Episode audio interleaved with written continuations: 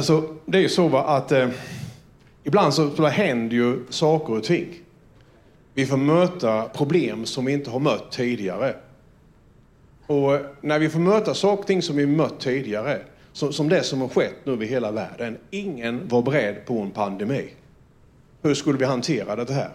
Och vi ser att de har bråkat, olika länderna, för de har haft olika strategier. Och jag vet inte vilken strategi som är bäst. Därför att ingen visste riktigt hur man skulle göra när allt det här hände. Från ena dagen till nästa då så stängde Köpenhamns flygplats och det var ingen som trodde att det var möjligt. Eh, det är samma sak med tron då. Va? Att du har tro för, på ett område. Och sen så går livet och sen så får du möta, någonting händer som, du, som inte har hänt tidigare. Du har inte trott på den nivån, du har inte trott på det området tidigare. Och då, då är det väldigt mänskligt att man börjar tvivla. Men att tvivla, liksom, det är bara ett bevis på att din hjärna fungerar. Och tvivlet är också en signal till dig och mig att börja tro. Så tvivlet betyder inte att du inte har tro, utan tron finns där i hjärtat. Utan tvivlet är en signal till dig att leta fram tron därför att du har tron i ditt hjärta. Och vi kommer in i en situation här vid nu som är väldigt, väldigt speciell därför att eh, lärjungarna, Jesu lärjungar, de hade blivit på något sätt auktoriserade av Jesus. Jesus hade sagt till dem att ni ska bota de sjuka. Ni ska hjälpa människor. Och här, liksom på något sätt så hade de då befunnit sig i en situation med en pappa och hans son. Och trots att de ville hjälpa så kunde de inte hjälpa. Och nu kommer Jesus då och så säger Jesus så här till sina lärjungar. När lärjungarna hade blivit ensamma med Jesus så kom de fram och frågade varför kunde inte vi driva ut demonen? Varför kunde inte vi hjälpa pappan och sonen? Var, varför kunde inte vi göra någonting åt problemet?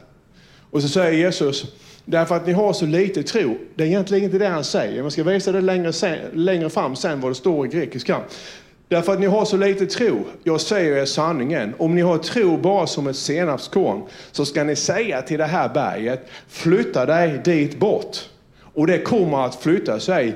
Ingenting kommer att vara omöjligt för er. Jo, Fader, i Jesu namn så tackar vi dig för att du välsignar predikan här idag, Herre. Vi tackar dig helige Ande för att du kommer över ditt ord. Och vi ber att din uppenbarelse kommer och visa oss verkligen vad det är du vill säga till din församling idag, Herre, och till alla de som lyssnar. Vi tror Jesus att du vill att vi ska röra oss framåt idag. Du har tröst och uppmaning och du har korrigering och det är någonting som du vill här och nu idag. I Jesu namn. Amen. Och då är det så här, om du vet att du behöver vad som finns på andra sidan så finns det alltid ett pris. Har du tänkt på det? Nu här så, så har jag läst både Sydöstran och BLT. Jag har dem på nätet då. Jag har bara BLT på nätet.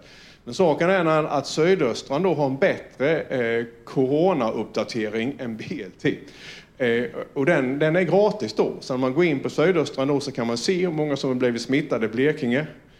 Det är bättre faktiskt att läsa statistik än att läsa vad Aftonbladet skriver för de är ute efter att du bara ska klicka på dem deras artiklar. Men, men, i alla fall, och sen kan man också se liksom kommun för kommun så man kan följa hur många det är i Sölvesborg. Och det är ju intressant. Men sen ibland så kan ju även Sydöstran skriva en bra artikel utöver corona. Och vill du då läsa den artikeln och klicka på den så kommer du inte vidare. Varför det då? Därför att det kostar pengar. Det är ju enda sättet att driva en tidning idag, så det är inget fel i det, eller hur? Och jag menar det alltså att ibland så, så är det ju saker och ting som är så intressanta så man är beredd att betala en krona eller fem, jag vet att vissa tidningar har det, för att man ska få läsa hela artikeln. Och, och så är det ju lite grann med livet med Gud också. Att det är alltid ett pris att, att gå vidare och när man vill lite djupare.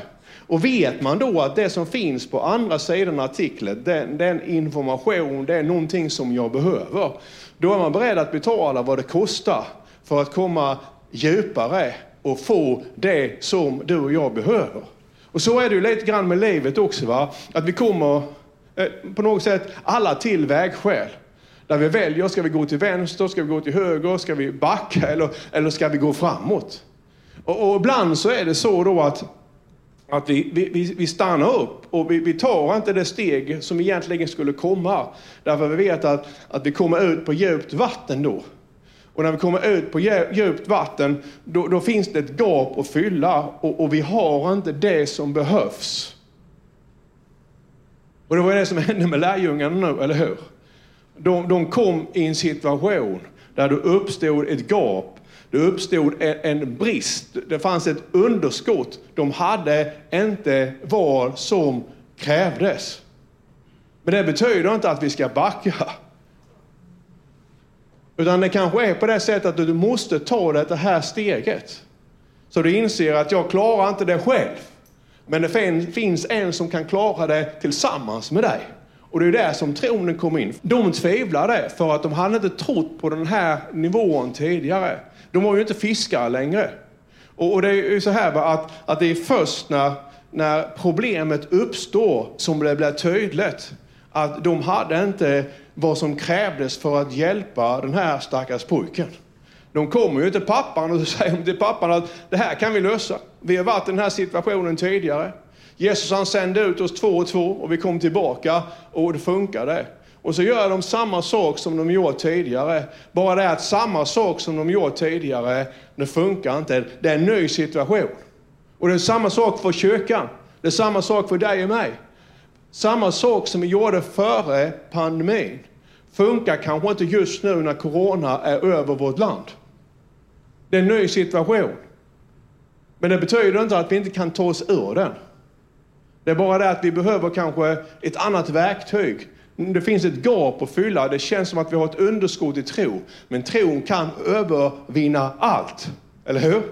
För att det motstånd som de mötte här vid nu och det motstånd som du och jag får möta ibland kan ju vara en, en möjlighet för tron. Vi tänker ju ofta så att motstånd är jobbet och motstånd är ju jobbet. Men motstånd är ju också en möjlighet. Eller hur?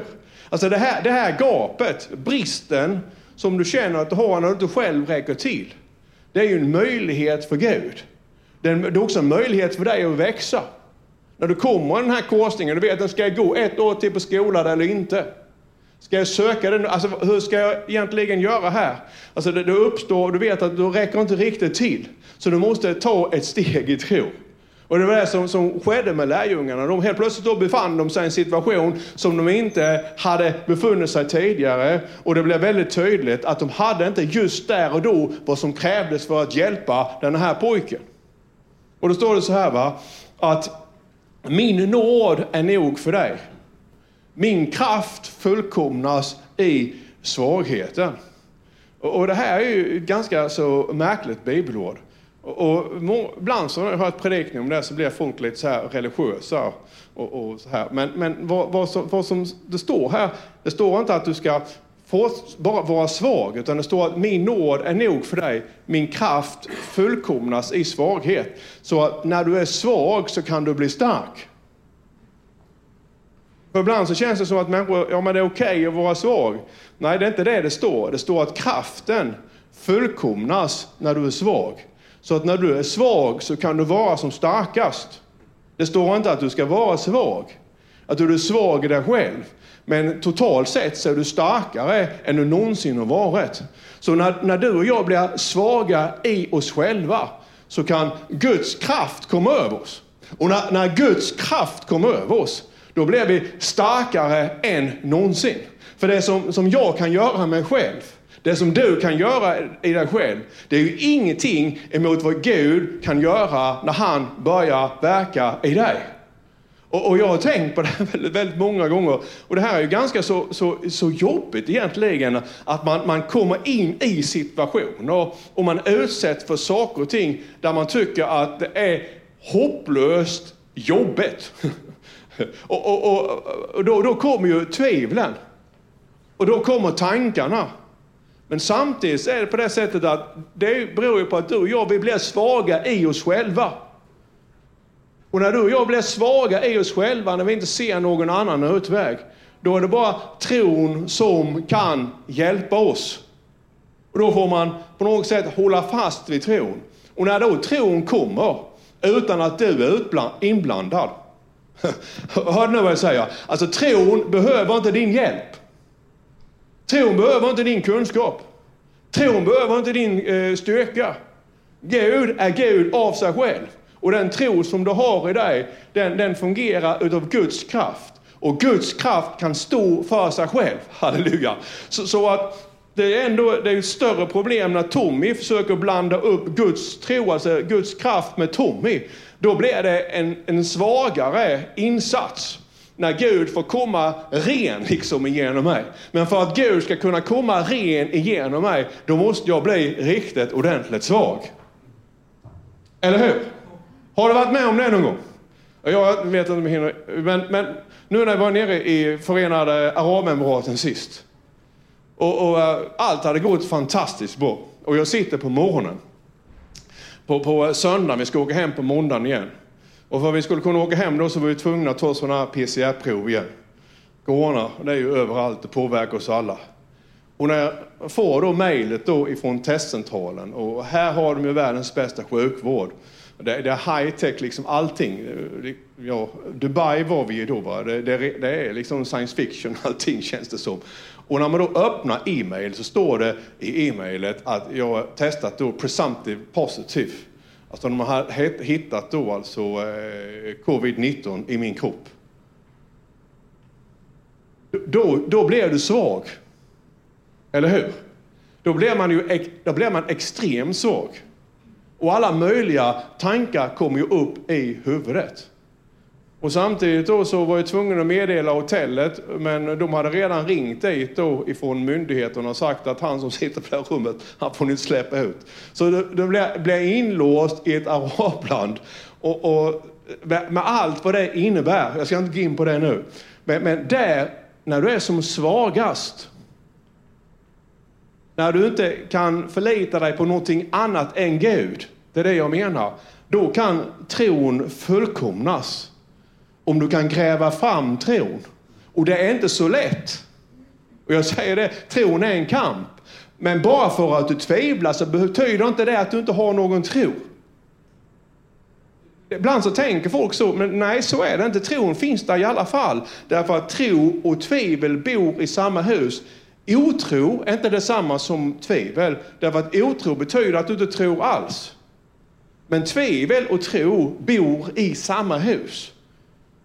Så att du måste gräva fram tron. Och det är det som händer när du då blir svag. Och när du inte vet varken ut eller in. Och där så gäller det verkligen att stänga av sociala medier. Jag, jag öppnade på något sätt, jag Omni då brukar jag läsa då, eh, nyhetsrapporteringen. nöjesrapporteringen. Så läste jag om Trump och sen var det någon som hade dött i covid-19 och sen var det någon till som hade varit jättesjuk. Sen var det någon som inte kunde andas. Jag behöver inte mata mig med det just då. Därför att, är du med mig? Utan då, då får man in på något sätt i någonting som ger tro. Jag kommer till det sen. Förstår ni vad jag menar nu? Så, så att, att när, när, när vi är svaga, då är det inte meningen att du ska, du ska vara svag. Utan när du är svag ska du bli stark. Men inte stark i dig själv, utan när Gud får komma fram i dig och mig, det är då som vi är allra starkast. Har jag fått fram min poäng här nu? Ja, då går vi vidare. Mm. Men, men varför funkar det då inte? Alltså, när du och jag vi misslyckas, och det gjorde de här, för de kommer ju till Jesus och säger till Jesus, varför funkar det inte? Och Jesus hade sagt till dem i Matteus 10.8 då, alltså långt tidigare, så hade sagt till dem att gå ut, säger han, bota sjuka, uppväck döda, gör spetälska rena och driv ut onda andar. Ja, det var ju det problemet som de ställdes för nu med pappan och sonen. Alltså ändå så funkar det inte. Hur kan det vara på det sättet? Alltså när, när Gud han har sagt till dig att du har en kallelse på ditt liv, du har en smörjelse på ditt liv, du har ett uppdrag. Och, och, och, du vet att Jesus har sagt att du har kraften att göra det. Jag ska hjälpa dig och jag ska vara med dig. Och så kommer du i den här situationen och så funkar det inte i alla fall. Ja, om det inte funkar, då får du göra som lärjungarna. Och du får gå till Jesus och säga till Jesus, varför funkar det inte? Det, det är värre då, några gör ju på det här sättet att när det inte funkar då så låtsar de som att det funkar i alla fall. Och det går inte. Eh, ingen social media-redigering här, utan om livet med Gud inte funkar så som Gud har sagt till att livet med Gud ska funka, då får du komma till Gud och så får du säga till Jesus som lärjungarna gjorde. Du har sagt att vi ska bota sjuka, uppväcka döda, göra spetälska rena och driva ut onda andar. Och nu så hade vi det här fallet och det funkade inte. Vad gör vi? Jesus då har sagt till folkkyrkan i Sölvesborg att vi ska vara din församling här. Att vi ska få nå människor med din kärlek. Och att kyrkan ska bli fylld. Jesus, var, varför funkar det inte? Varför, varför, funkar inte den kallelse som du har på mig? Jesus, vad är det som är fel? Hm. Och då, då, finns det ett svar här. Den ena är då att det finns en bro, ett krig mellan vad du är kallad att göra, eller hur? Och mellan din vardag, alltså det som du är van vid.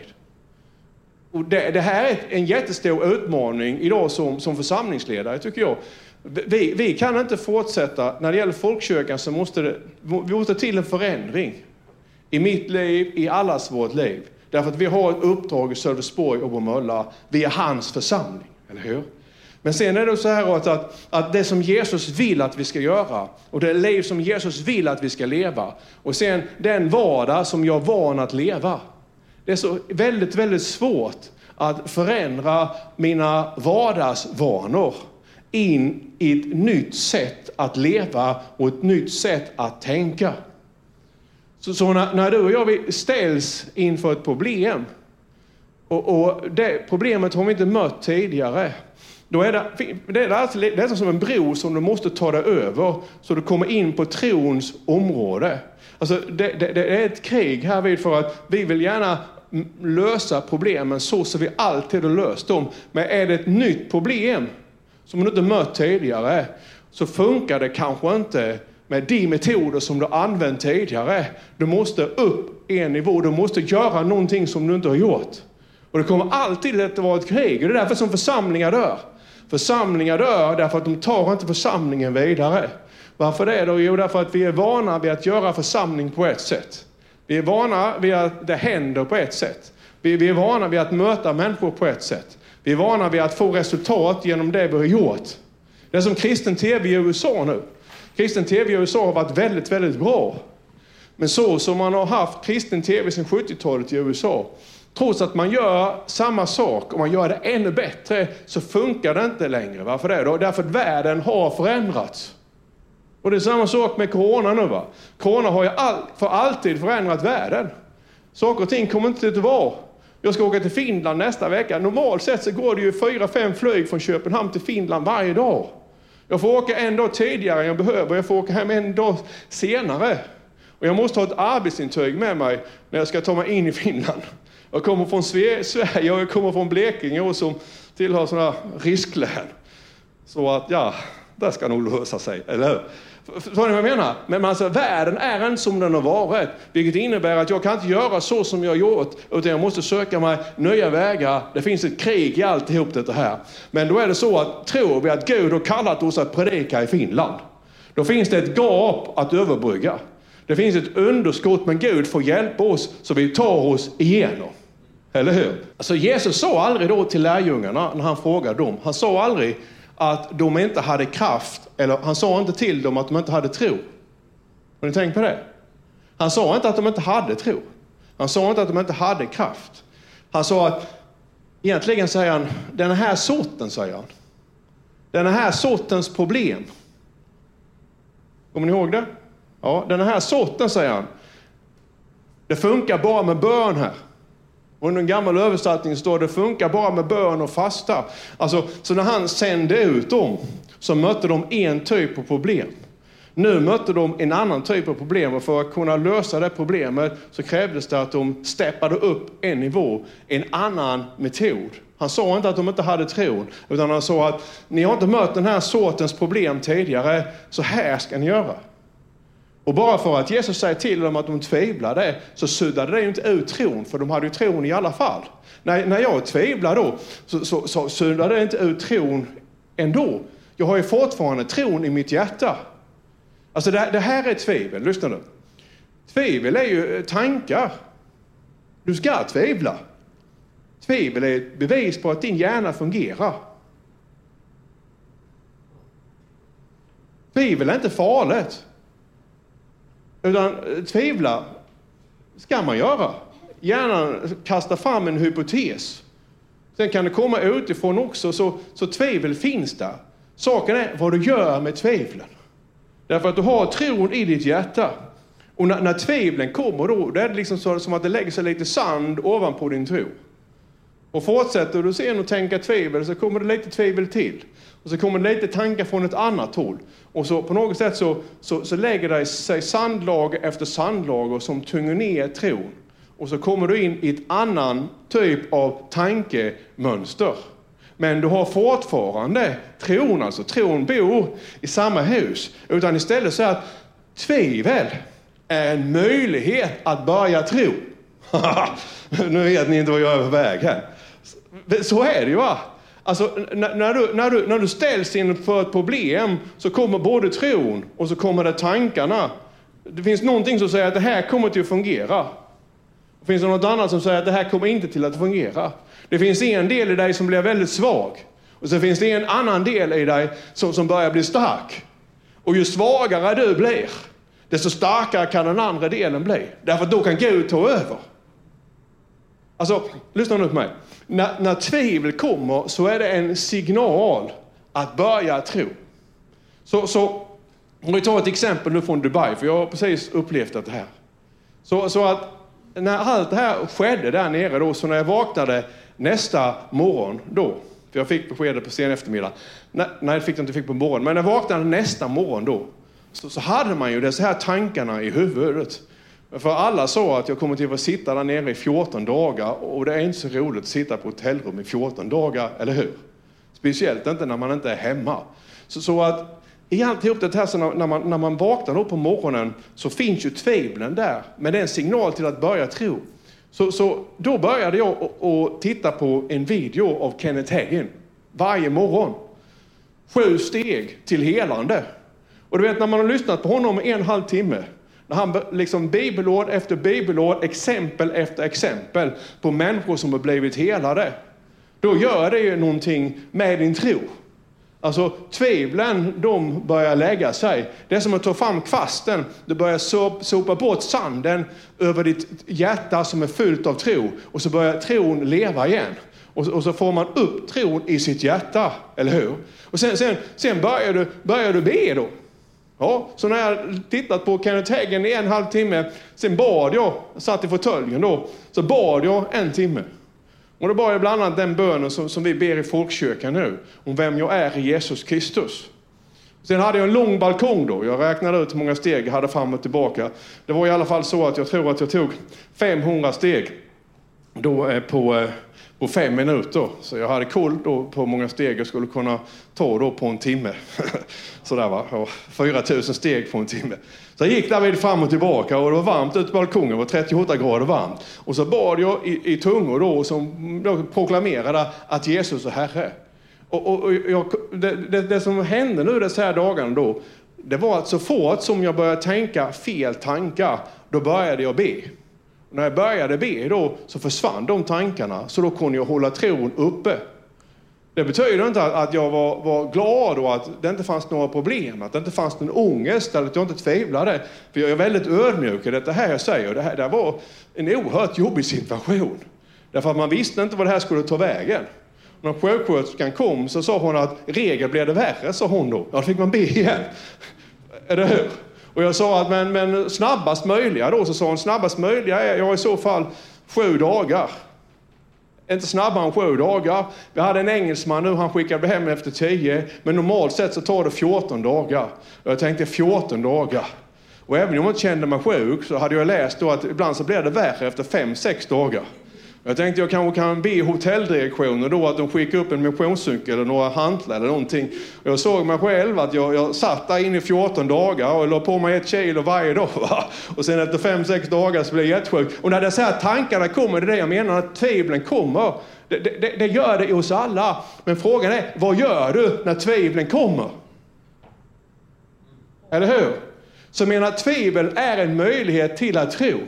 För, för när du då fyller dig själv ja, Du, du som är här idag, jag, jag, kan, jag har jobbat utomlands nu så mycket så jag kan lyssna på engelska predikningar lika bra som svenska. Då, va? Det, det är en fördel då, för, för annars kan man göra på det sättet att tron kommer predikan och predikan i kraft av Guds ord. Så att när, när då tvivlet kommer i ditt hjärta, leta upp en predikan som handlar om det som du har problem med. Som handlar om ditt problem. Är du med mig? Och du kan lyssna på samma predikan varje dag. Därför att tron kommer och predikan. Jag har haft predikningar mellanåt som jag kört eh, liksom jätteofta. Därför att jag vet att när jag lyssnar på dem, då får jag tro i mitt hjärta som, som överbrygger gapet i det jag ska göra. Så som hjälper mig att leva i tro. För annars börjar jag tvivla i mitt huvud. Och, och, och be och leta upp bibelord som talar om just den situationen som du är i. Och så läser du bibelorden, du mediterar över bibelorden tills de blir levande i ditt hjärta. Halleluja!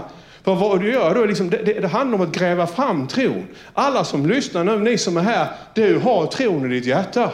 Men det är så mycket som ligger ovanpå tron liksom ibland som du får ta och städa bort. Sopa bort sanden så att tron den börjar glöda och tron den kommer fram. Halleluja! Så kan du säga det nu, tro är en signal, eller tvivel är en signal på att börja tro. Så Jesus han säger här, för att man går in i grekiskan, så, så när han säger att, att eh, ni ska tro, så säger han håll fast i tron. Alltså, Jesus säger, om ni bara har tro, säger Jesus, eller hur? Som ett senapskorn. Men det kan också översättas med att om ni håller fast i tron som att du höll i ett senapskorn. Och, och kan du tänka dig ett senapskorn i handen? Det är inte mycket, eller hur? Men, men om du håller, det Jesus han säger till dem, varför kunde vi inte hjälpa pappan och pojken? Så ser Jesus två svar. Han säger, denna sorten, säger han, måste ni lösa med bön och fasta. Okej? Okay? Och sen säger han, om ni har tro som ett senapskorn. Och så säger du Tommy, jag har inte så mycket tro. Nej, Jesus han säger att det är inte storleken på tron, utan du har fått ett mått av tro. Och det mått av tro som du har, det räcker. Utan det handlar om att du håller fast i tron. Därför att det, tron attackeras. Det blir, blir ett krig när saker och ting händer. Men om du då håller fast i tron, och då känns det liksom i din hand som att du har inte så mycket, säger Jesus. Och har du ett senapskorn i handen så har du hållit knytt handen så här mot senapskorn så efter bara en halv minut så, så känns det som att inte senapskornet är där längre, för så litet är det. Men det är där i alla fall. Så om du då håller fast i den lilla tro som du har, eller hur? Så säger Jesus att då är ingenting omöjligt. Svaret på att hjälpa pappan, det var att ni hade fortsatt att be med mig? Och att ni hade hållit fast i tron. För hade ni hållit fast i tron, då hade ni till sist kunnat hjälpa honom. Mm. Så att, att svaghet är inte ett misslyckande. Ibland så har vi predikat så. Men, men, men, så är det ju inte. Va? Utan, utan många gånger när vi tycker att vi, vi känner oss väldigt starka, ja då är vi starka i oss själva. Men när jag är stark i mig själv så är jag inte lika stark som jag kan bli när jag är svag i mig själv. För när jag är stark i mig själv så kommer inte Gud fram på, på samma sätt som när jag blir svag i mig själv. Utan när jag blir svag i mig själv, jag själv inte har någon lösning, det är då som tron kan fullkomnas i min svaghet. Därför att då kan Gud komma fram. Så svaghet är inte ett misslyckande. Och tron den får ju konkurrera med väldigt mycket. Eller hur? Men, men, men, samtidigt är det på det sättet att då får du städa varje morgon. Att varje morgon när du och jag vi vaknar så, så, så har det blåst lite sand på din tro. Det har blåst lite grus på ditt hjärta. Det har regnat ner lite saker och ting som, som på något sätt lägger sig som ett täcke över tron. Så varje morgon när vi vaknar, då får vi ta kvasten. Och sen får vi sopa, eller hur? Tills dess att tron den kommer fram. Och tron den börjar glöda igen. Det, det räcker inte. Det är bra att vi är här på söndagarna, vi uppmuntrar varandra på olika sätt. Va? Det här är en välkommen hemgudstjänst. Du har tron på insidan och när du går härifrån så tror jag att du känner att du har tron också. Men när du vaknar morgon bitti då, beroende på vilka vi är, så olika saker har hänt. Eh, ja, någon kanske sa någonting ikväll när du kom hem, du läste någonting. Imorgon läser du någonting annat. Och när allt detta här sker då så, så signar det liksom ner lite olika grejer över ditt hjärta. Så varje morgon när du och jag vill vakna så får vi ta kvasten och så får vi sopa rent hjärtat så att tron den kan fungera igen. Och, och ju, ju, ju svårare situation som du har, desto viktigare är det ju då att du ser till så att tron den lever i dig och mig. Och när det gäller folkkyrkan här vi nu så, så har vi ju en situation som vi står inför. Det, det är ju så va? Att vi hade en situation innan vi gick in i pandemin, vi har en annan situation nu. Vi hade en vision som vi gick in i för, för 30 år sedan. Och den har liksom både ja, växt till, den har haft sin, sina glansdagar, den har förnyats och den kommer aldrig mer tillbaka. Så vi är på väg in i en ny tid. Där vi behöver nya människor, vi behöver tänka på ett nytt sätt. Och, och där, där Gud har talat, talat till oss om att, att det handlar om hjärtan som hänger sig till honom. Halleluja. Amen. Och vi, vi kan klara det här. Men, men, vi kan inte klara det i vår egen styrka. Utan nu kanske vi känner oss väldigt svaga. Många församlingar i Sverige idag känner sig svaga. Men, men, svaghet är inte problem. Vi tvivlar liksom, hur ska vi kunna ta oss Eh, upp från den här svackan? Hur ska vi kunna nå dem som har fått för vana att inte gå i kyrkan längre? Hur ska, hur ska det bli i framtiden? Men då kan vi veta att ja, när tron är svag och när du och jag är svaga så kan Guds kraft fullkomnas. Det är till sist ändå han som bär oss igenom till seger, eller hur? Så är det va? Så att, nu tar vi sista sliden här. Och då har jag skrivit så här, vi kan inte låta, eller vi kan låta pandemin köra, köra över oss fullständigt. Eller kan vi ta steget in i det som vi är kallade till och som vi har kraft att vara? Det är så va? Och nu, nu beror det, finns det ju människor då som är äldre och som har restriktioner. Det är inte det jag menar. Utan oavsett vilken situation vi är så måste vi tackla den. Vi kan inte bara lägga oss ner och dö. Är det så då att, att dina restriktioner är sådana att du måste hålla dig hemma, hur kan du leva hemma och leva i tro och ändå bygga Guds rike? Vi kan inte fylla kyrkan här trots att vi vill det. Men nu kan vi ändå på något sätt göra så att folkkyrkan utvecklas i den situation som vi har nu. Vi, vi får hitta olika vägar. Vi har ju ett sånt event nu här. Några tyckte inte vi skulle göra det, men vi gör det. Vi kör 50 stycken på ett möte och blir det mycket folk så kör vi ett till 45 minuter efter. Vi kör eh, Nova Gospel med adventsgudstjänsten och då, då går vi genom Tixter, du vet sådär biljett, så man får boka biljetter. När 50 är sålda och numrerade platser så, så kör vi en för, föreställning till med 50 platser till. Alltså, vi måste lösa det på olika sätt. Vi kan inte låta Corona köra över församlingarna i Sverige. Utan nu, nu ska vi lyfta. Vi lyfter när motståndet är som störst. Halleluja. Vi känner oss svaga för vi vet inte hur vi ska hantera det. Men den är alldeles perfekt förutsatt för att Guds kraft ska kunna fullkomlas i vår församling, i ditt liv och i alla våra församlingar. Och sen finns det en sak till. Sen slutar vi med den. Du kommer, och det gäller mig och det gäller dig. Du kommer förr eller senare till en punkt i livet då du måste bestämma dig för att smörjelsen på ditt liv är större och mer än din vardag. Så är det va? Så kallelsen på mitt liv, kallelsen på ditt liv. Så här ser min vardag ut. Det är den här bron som vi måste ta mig över. Det här kriget som vi måste utkämpa. Men jag tror att det Gud har kallat mig till. Jag tror att det som han har lagt ner i mitt hjärta, det är större än den vardag som vi har runt omkring mig. Gud tror på dig. Gud tror på, på var och en som är en del av folkkyrkan. Men du måste besegra din vardag. Och då känner du att jag har inte det som behövs. Det behöver du inte ha heller. Jag tvivlar. Ja, det är okej. Okay. Men Gud, han kan fylla gapet i våra liv så att vi kan klara det som krävs för att ta den här församlingen in i framtiden och för att din kallelse och det som du är små till att göra, det ska bli verklighet. Halleluja! Om du inte tror på dig så ska du veta att jag tror på dig och Gud tror på dig och Jesus han tror på dig. Amen.